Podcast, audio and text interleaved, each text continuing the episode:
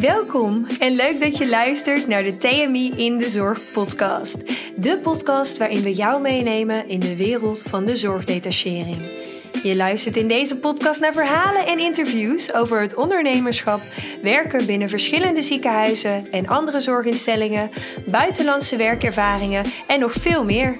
Mijn naam is Lisa Bens, recruiter bij TMI en graag neem ik je mee in de wereld van de zorgdetachering.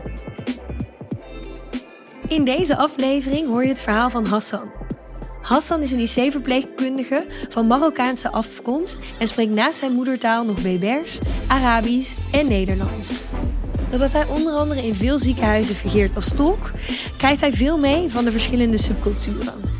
Hij spreekt hierover op verschillende symposia's zoals IC-topics, Venticare en Nursing Congress. In deze aflevering geeft Hassan je meer inzicht en handvaten over het omgaan met de verschillende culturen binnen de zorgsector.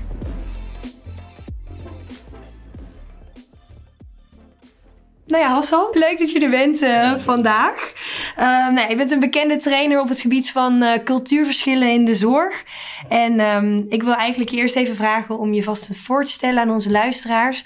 want ja, wie ben je eigenlijk? Wat doe je? En wat maakt cultuur voor jou zo, zo belangrijk? Nou, allereerst dank je wel voor de uitnodiging, Lisa. ik vond het heel leuk om dit te doen. Um, ja, wie ben ik? Ik ben Hassan El IC-verpleegkundige. Um, ik woon hier in Nederland vanaf 1991. Uh, toen ik in Nederland kwam, uh, was ik al 22, 23 jaar oud. Ik was uh, in Marokko aan studeren, biologie. Ik had net mijn eerstejaars biologie gehaald en ik zou het tweede jaar.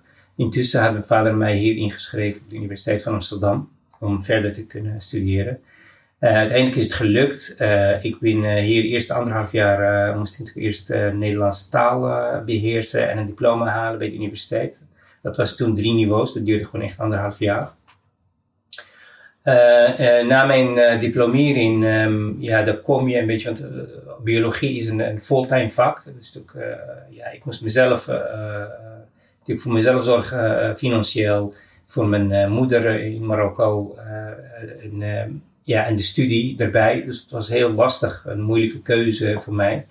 Um, zo ben ik eigenlijk bij de, het arbeidsbureau om een soort oplossing te zoeken van hoe kan ik het beste het aanpakken, zeg maar. En toen was er ineens een uh, project vanuit de VU met nog een organisatie, uh, uh, ik dacht dat het STIP heette, om een, een, ja, eigenlijk het kwam op neer dat je gewoon een paar allochtonen bij elkaar haalde in een groep van 30 man. En variërend van mensen die, zoals ik, die net hier in Nederland waren, anderhalf jaar tot twee jaar, van mensen die hier geadopteerd al 30 jaar woonden. Dus daar kun je al verschil, zeg maar, in taalniveau. Dat was gewoon gigantisch. Uh. Maar het was wel uh, een uitdaging voor mij. Het was wel ook natuurlijk een, een opleiding waar ik uh, in en kan studeren en kan verdienen. Dus dat was voor mij eigenlijk wel op zich wel goed. Maar um, wel um, vooral om dat te verkopen naar de thuisfront was heel lastig. Omdat daar natuurlijk enorm verschillen in uh, verpleegkundige niveaus. In Marokko bijvoorbeeld uh, is de verpleegkundige heel laag niveau. Dus mijn vader die was heel erg verbaasd dat ik dat ging doen. Omdat hij verwacht natuurlijk veel meer. je bent aan het studeren, je hebt je biologie eerste jaar gehaald. En nu ga je in één keer uh, zo laag, uh, lage opleiding doen in zijn mening. Lijkt me heel moeilijk verkopen inderdaad, ook voor jezelf. Ja. Maar goed, uh, toen hij in de loop der jaren zag wat je allemaal daarvoor moet doen, kennis, theorie, stages die moest lopen, begon ik toch wel bij te draaien en steeds meer respect te tonen van nou, dit is wel best wel iets. Maar goed, uh, ik heb mijn uh, uh, A-verpleegkundige opleiding in de VU verschillende afdelingen doorgelopen. En een van mijn eerste eigenlijk aanrakingen vooral met cultuurverschillen, dat was van, ja nou, hier ben ik als man en dan ga ik even een vrouw wassen. Dat is niet normaal, zeg maar, in onze cultuur. vooral schaamtegevoel. ja, dat is, je bent heel anders opgevoed dan wat je eigenlijk nu moet gaan doen. Voelde je je ongemakkelijk dan in het begin? Heel erg. Zeker weten. En uh, ik vergeet nooit de eerste keer dat ik uh, mijn vrouw ging wassen. En, uh, de naam ga ik niet noemen, maar die naam die staat gegraveerd in mijn, in mijn hersenen. Um, we zaten in op een, samen met mijn werkbegeleider Martin. Um, hadden we zo'n zaal van zes personen. en nou, ik heb mijn twee patiënten ingedeeld. Nou, ze dacht zo, ga je gaan niet maar even mevrouw gaan wassen. Nou, daar ging ik gordijnen dicht. En het was een mevrouw uit de Jordaan hier in Amsterdam, echt Amsterdamse type. Dus ik begon maar net te wassen. En het eerste wat ze riep uh, van keihard door de hele zaal. Hai Aslan, niet in mijn kont knijpen. Oh nee. Ja, dus je moet je voorstellen. Toen stond je daar. Toen stond ik daar helemaal verlamd, rood, zweet, ik brak door me, over mijn rug heen. En dan riep ook mijn collega Martin van... Hé hey, Hassan, het is de bedoeling je gaat wassen en niet gaat knijpen, keihard. En op een gegeven moment zei mevrouw ook nog van... Uh, Hassan, waar kom je vandaan? Ik zeg uit uh, Marokko. Elke dag, zegt ze dan. weet je, gewoon... Was echt een mevrouw die echt heel veel van humor... was niet op haar mondje gevallen, nee, zeg nee, maar. zeker niet. Amsterdamse humor, zeg maar. Ja. Maar ja, voor mij was het ook echt niet alleen, geen leuke humor op dat moment. Dat, ik, wat, wat, ik zeg, het is voor de eerste keer. En ja, je sta, sta, je daar dan. En, Hoe ga je daar dan mee om? Je ja, gaat gewoon mee in, ja, in het grapje. Maar... Zeker, ja, je, je, probeert gewoon mee te gaan. En uh, uiteindelijk heb ik het gelukkig overleefd. Nou ja, en um, de, de, de, opleiding afgemaakt. En mijn laatste afdeling was neurochirurgie. Dat vond ik heel leuk specialisme, omdat je dan echt met alle leeftijden te maken had, van jong tot oud. en ook heel veel verschillende verschillende uh, ziektebeelden. Dat vond ik heel interessant. Daar heb ik iets van acht maanden en negen maanden gewerkt. En bij mijn eerste uh, jaargesprek uh, was de afdelingshoofd waar ik het hartstikke goed mee had eigenlijk. En hij zegt, Hassan, wat zijn je plannen voor de toekomst? Nou, ik zeg eigenlijk, ik weet het nog niet. misschien is in de ambulance of eerste hulp, IC. Hij zegt, ik zie wel best een goede IC-verpleegkundige in jou. En nou, ik zeg, misschien wil ik nog even wachten. Hij zei, nee, letterlijk zei hij nog van, je hebt echt een schok onder je kont. Jij gaat gewoon verder. Je hoeft hier niet veel te doen, zeg maar. Nou ja, zo gedaan, telefoon gepakt, de afdelingshoofd van de intensive care gebeld. En toen was ik gelijk aangenomen. de IC-opleiding in april 99 gestart en met succes afgerond. Nou ja, toen eigenlijk, moet ik eerlijk zeggen, voor mij dan, omdat ik ook een beetje mee zat ja, innerlijk eigenlijk van qua niveau kun je nog veel meer door je vorige opleidingen. Maar ja, door omstandigheden moest ik toch weer opnieuw uh, met een iets laags beginnen. Maar toen ik die intensive care opleiding heb afgerond en met alle die kennis die erbij komt kijken en wat je allemaal uh, moest doen voor de patiënten, dacht ik, ja, hier kan ik blij mee zijn. Weet je, kun je, kun je echt thuis meekomen. En ik moet zeggen ook dat mijn vader toen enorm ja, vo, ja, respect en voldoening had, ook naar mij toe van nou, ik zie wel dat je gewoon veel meer moet doen dan de normale verpleegkundige, wat, wat we weten vanuit Marokko, zeg maar, qua opleidingen. Um, ja, een van de dingen waar ik mee ook in aanraking kom, ja, wat ik zei, ik ben, uh, je bent IC-verpleegkundige uh, opgeleid hier in Nederland volgens de uh, normen en waarden van de Nederlandse cultuur. En sinds dat ik hier in Nederland woon, natuurlijk altijd in Amsterdam, ja, voor mij was alles nieuw. Um, dan kom je ook Marokkaanse patiënten bijvoorbeeld tegen, maar ook mensen met een islamitische achtergrond. En ook uh, IC-verpleegkundigen die en Marokkaan, Noord-Afrikaanse cultuur, zeg maar, als achterbagage. En ook moslim praktiserend. Dus dan zag ik heel veel dingen waar ik denk, nou, dit kan beter. Uh, en wanneer had je dat voor het eerst? Dat je echt dacht, nou, dit ja. is niet zoals, het, uh, zoals je het zelf inbeeldt? Nou ja, omdat je af en toe uh, zag bepaalde conflicten tussen patiënten, met name families. Naar, met name het begon met de communicatie, vaak in de taal. Je eerste generatie natuurlijk die hier in Nederland kwam, dat zijn nu de meeste kandidaten die op de intensive care liggen. Omdat het allemaal... Qua leeftijd natuurlijk. leeftijden, ja.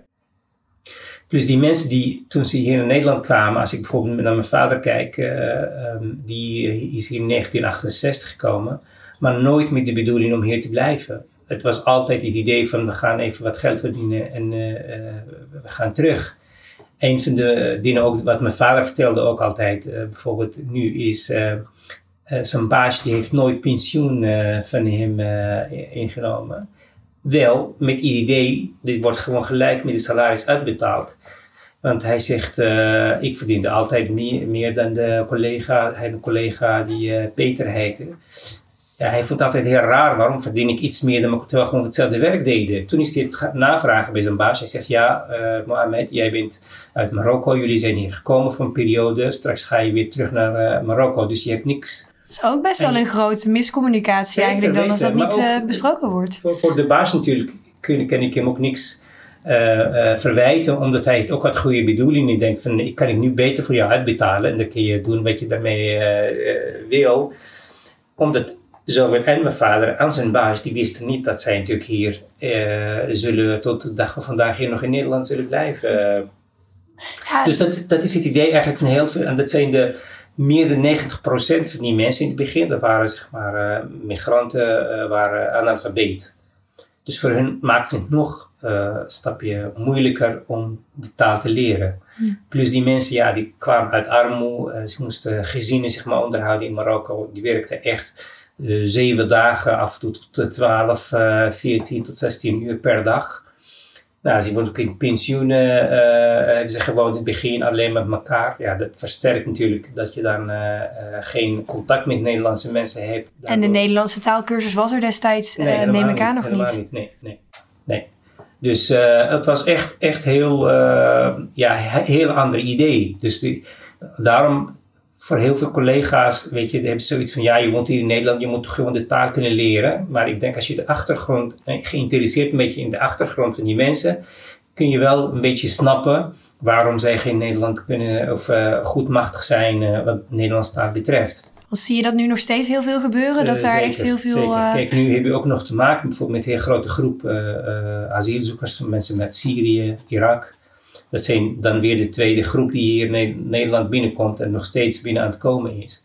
Ja, en daar zie je steeds meer patiënten binnenkomen die bijvoorbeeld helemaal geen Nederlandse taal spreken, maar nog met hun eigen geloof, cultuur Weet je, gewoon voor hun, ik, ik zie mezelf nog steeds in hun, zeg maar.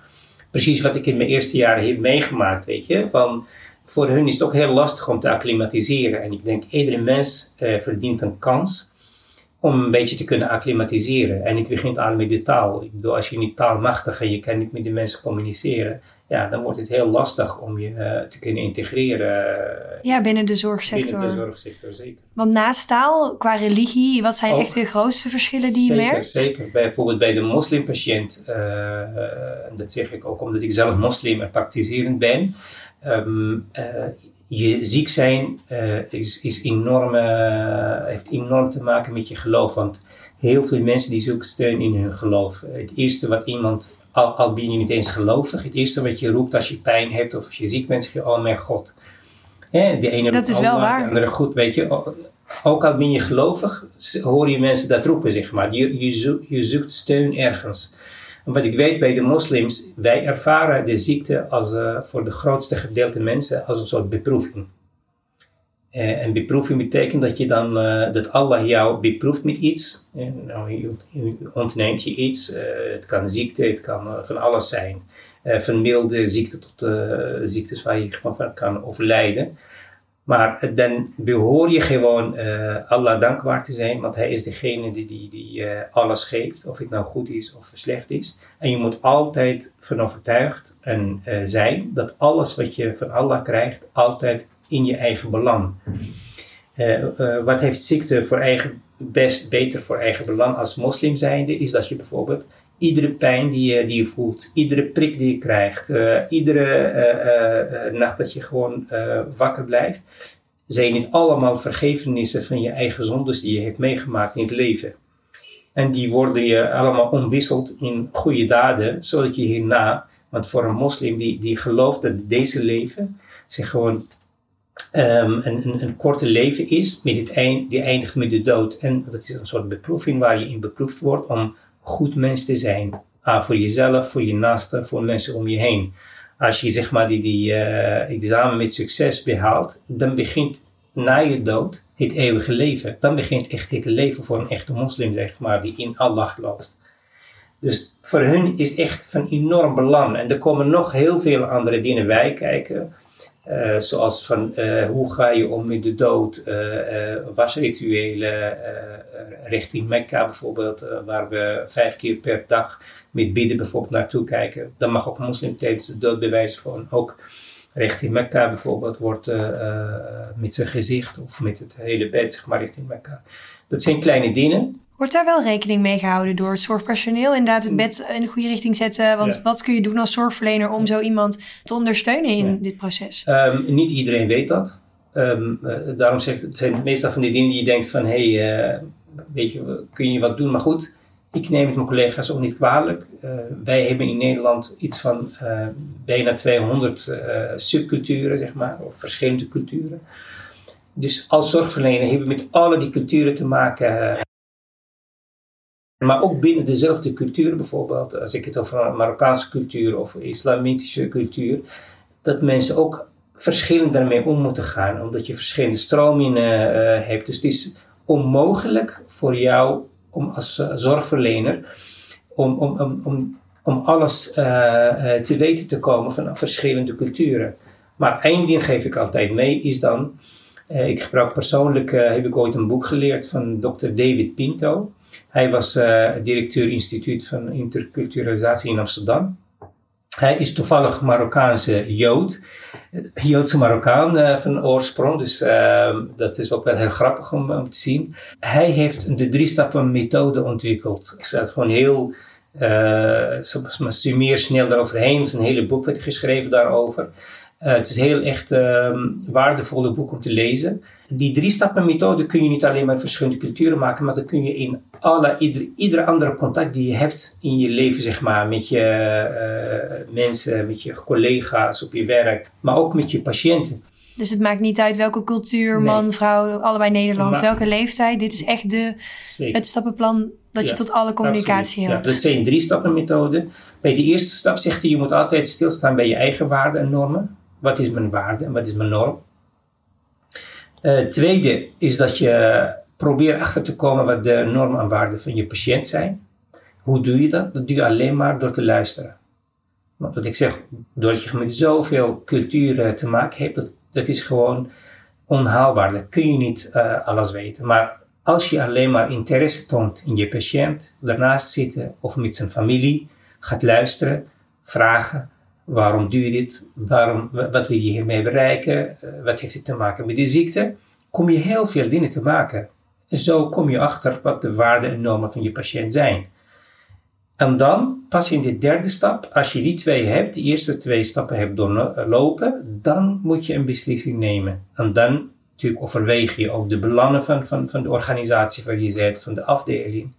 Uh, en de belangen van je als professional, maar ook de belangen van je patiënt. En dan kun je een beslissing nemen. En ik ben van overtuigd, als je dit uh, zeg maar doet, dat je met ieder andere cultuur mee kan omgaan. Want merk je dat en je iedereen... Hoeft niet, ja, en je hoeft niet uh, in mee te gaan of mee eens te zijn. Uh, want dat zijn totaal andere dingen die helemaal... Maar door het luisteren naar andere mensen, ze serieus te nemen, voelt de ander dat hij gewoon serieus genomen wordt en gewaardeerd. En daar, en daar is echt enorm verschil. En merk je dat daar veel tijd voor is om echt de tijd te nemen voor de patiënt met de gigantische druk die er nu op de zorg ligt? Nee, eigenlijk niet. Want door uh, uh, je holistische zeg maar, manier uh, van wat, je, wat we altijd hebben geleerd als beginverpleegkundige, is probeer je een beetje in te leven in de wereld van de patiënt.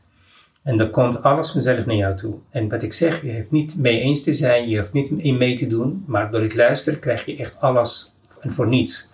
Maar uh, wat ik vaak zie is dat mensen gewoon uh, snel uit hun eigen normen en waarden een beslissing uh, nemen. En dat is echt, echt fout. Dat kan altijd tegen je. Ook al is het af en toe bijvoorbeeld dat het echt met goede bedoeling is, maar het komt gewoon heel anders over. Ja, precies. Want het is eigenlijk gewoon het goed luisteren wat je zegt. Dus dat, wat zijn de echte tips voor zorgverleners die je meestal zelf meegeeft ook na zo'n cursus? Uh, inderdaad, lees het boek en neem die drie punten door. Zijn er nog meer echt belangrijke ja, dingen? Wat ik zeg, gewoon jezelf blijven en luisteren. Meer hoef je niet te doen.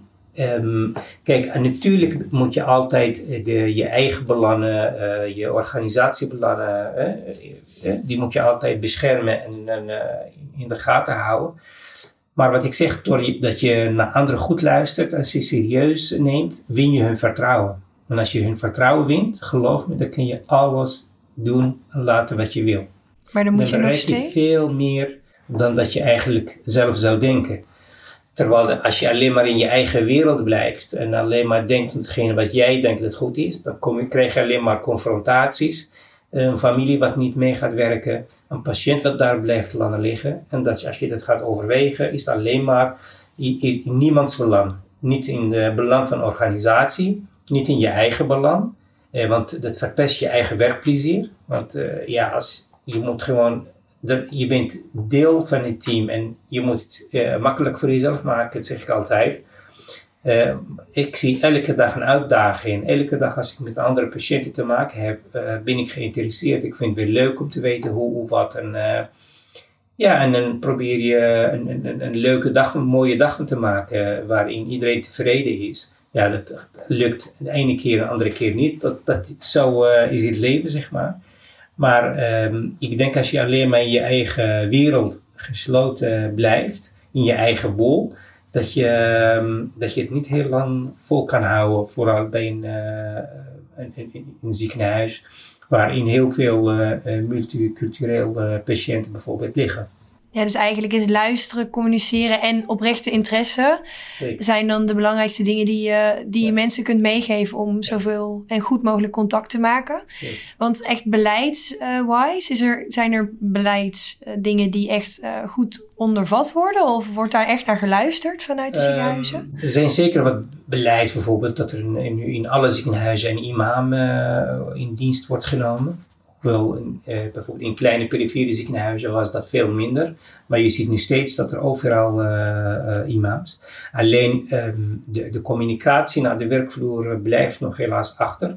Omdat je dan, zelfs kom ik achter dat heel veel collega's artsen of collega's pleegkundigen, IC-pleegkundigen, die niet eens weten dat daar een imam in het ziekenhuis is. Terwijl ik denk, en wanneer schakel je die in? Terwijl ik denk van, joh, maak daar gewoon goed gebruik van. Want het zijn juist mensen met kennis van cultuur, religie. Uh, die kunnen jou juist helpen uh, om, om uh, die patiënt of de familie te overtuigen om bepaalde beleid af te spreken. Want wanneer zet je zo iemand in? Op welke nou, momenten kies je daarvoor? Ja, want de fout die wij maken is dat altijd wachten tot het laatste moment. Als mensen bijvoorbeeld komen te overlijden. En dat vind ik echt fout. Terwijl ik denk van een imam, daar kun je niet omheen. Die, bij een, gelovige iemand, of bij een, uh, een Joodse iemand bijvoorbeeld, of een, een christen, dat je altijd degene die uh, een priester of een imam of een rabbij, dat je die ook meeneemt in al van begin af van je beleid maken van, en die erbij betrekken, zodat je al, als het ware, de familie en de patiënt kan masseren ergens naar je eigen doel wat je wil bereiken. Maar niet tot het laatste moment, want dan eh, kan zo'n imam ook niet uh, snel contact maken met de familie. En wat ik zei, het gaat om vertrouwen. Dus als je de vertrouwen van mensen moet winnen, dan moet je ook eerder mee beginnen. Je moet, uh, voordat je het een en het andere gaat afspreken, eerst even het vertrouwen zitten te, te, winnen. Want juist door het um, um, Ehm, eh, zo'n imam of een, of een, een, rabbijn eh, of een priester erbij vraagt, voelt de familie zich wel uh, gerespecteerd. Begrepen. Begrepen. En dat die, die niet alleen maar kijkt naar iemands gezondheid, wat hij mankeert, maar ook naar zijn geestelijke belevingen. En daardoor komen natuurlijk de, de, de, zo'n imam, die kan je adviseren maar ook argumenten gebruiken. Om, want de meeste, als ik het over de moslimpatiënten, het eerste wat ze zeggen, nou, je mag geen, uh, uh, mijn vader mag, mag, je mag geen beleid stoppen. Terwijl ik denk, ik, eerlijk gezegd, toen ik hier met deze vraag ben geconfronteerd, um, uh, het gaat om leven en dood, weet je, en dan is het wel heel iets serieus. Van, ik, als moslim zijnde wist ik, wist ik ook niet precies wat de, ons geloof hierin zegt, zeg maar toen ben ik het gaan uitzoeken en uh, bij mensen, hooggeleerde mensen, doen, uh, kennis gaan zoeken.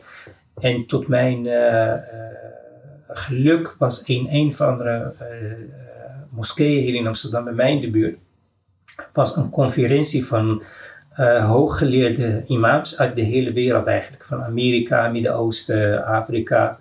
Dit was toen mijn kans om het een en het ander te vragen. En ik had toen een mevrouw die ook sterfbed eigenlijk. En die eigenlijk uh, zinloos werd behandeld. Want die mevrouw die zou toch komen te overlijden omdat haar hart het niet deed, de, de longen slecht, de nieren en de lever, dus alles. Ze was eigenlijk al afgeschreven precies, voor maar de familie, patiënt. Precies, en de familie die wilde hoe dan ook gewoon door blijven gaan met volledig beleid. Tot de frustratie natuurlijk van, van, van, van uh, de behandelaars, want die denken van ja, uh, waar we kunnen niks meer doen. Precies. Ja. Dus ik heb toen die, die casus voorgelegd aan die imams. En echt tot mijn verbazing, Lisa, van in alle gemak, alle de vier zeggen ze nou, in de islam is het zo, de medicus is de verantwoordelijke in deze. Als de artsen vinden dat het zinloos is, dan hebben ze recht om die gewoon de behandeling te stoppen. Daar is de islam absoluut niet tegen. Dan mag iemand, iemand gewoon komen te overlijden. Alleen je mag niks toedienen wat de, het proces versnelt. Dan, dan ben je aan het euthaniseren. Maar de, ook gewoon in gewoon. Uh, ja, dus de life support norm, stop je, maar precies. je gaat inderdaad niet het, uh, het proces versnellen zoals je bij- zegt. Maar binnen de ziekenhuizen is dat ook natuurlijk uh, uh, niet de, de, de norm om iemand te euthaniseren, want dat, dat mag absoluut niet. Um, dus ik was daar heel blij mee met die uh, informatie en die gebruik ik tot de dag van vandaag bij alle families. Want waarom roepen die families gelijk vanuit nee, dat mag niet vanuit uh, onze islam en, dat en je moet alles doen? Dan zeg ik van kom maar met argumenten, want in de islam moet je argumenten hebben uit uh, je Koran of uit de uh, sunnah, de leer van de profeet Mohammed sallallahu alaihi wasallam. En dan vertel ik daarbij van hoe ik er ben achtergekomen. En dan zijn de mensen juist achteraf jou echt zeer dankbaar.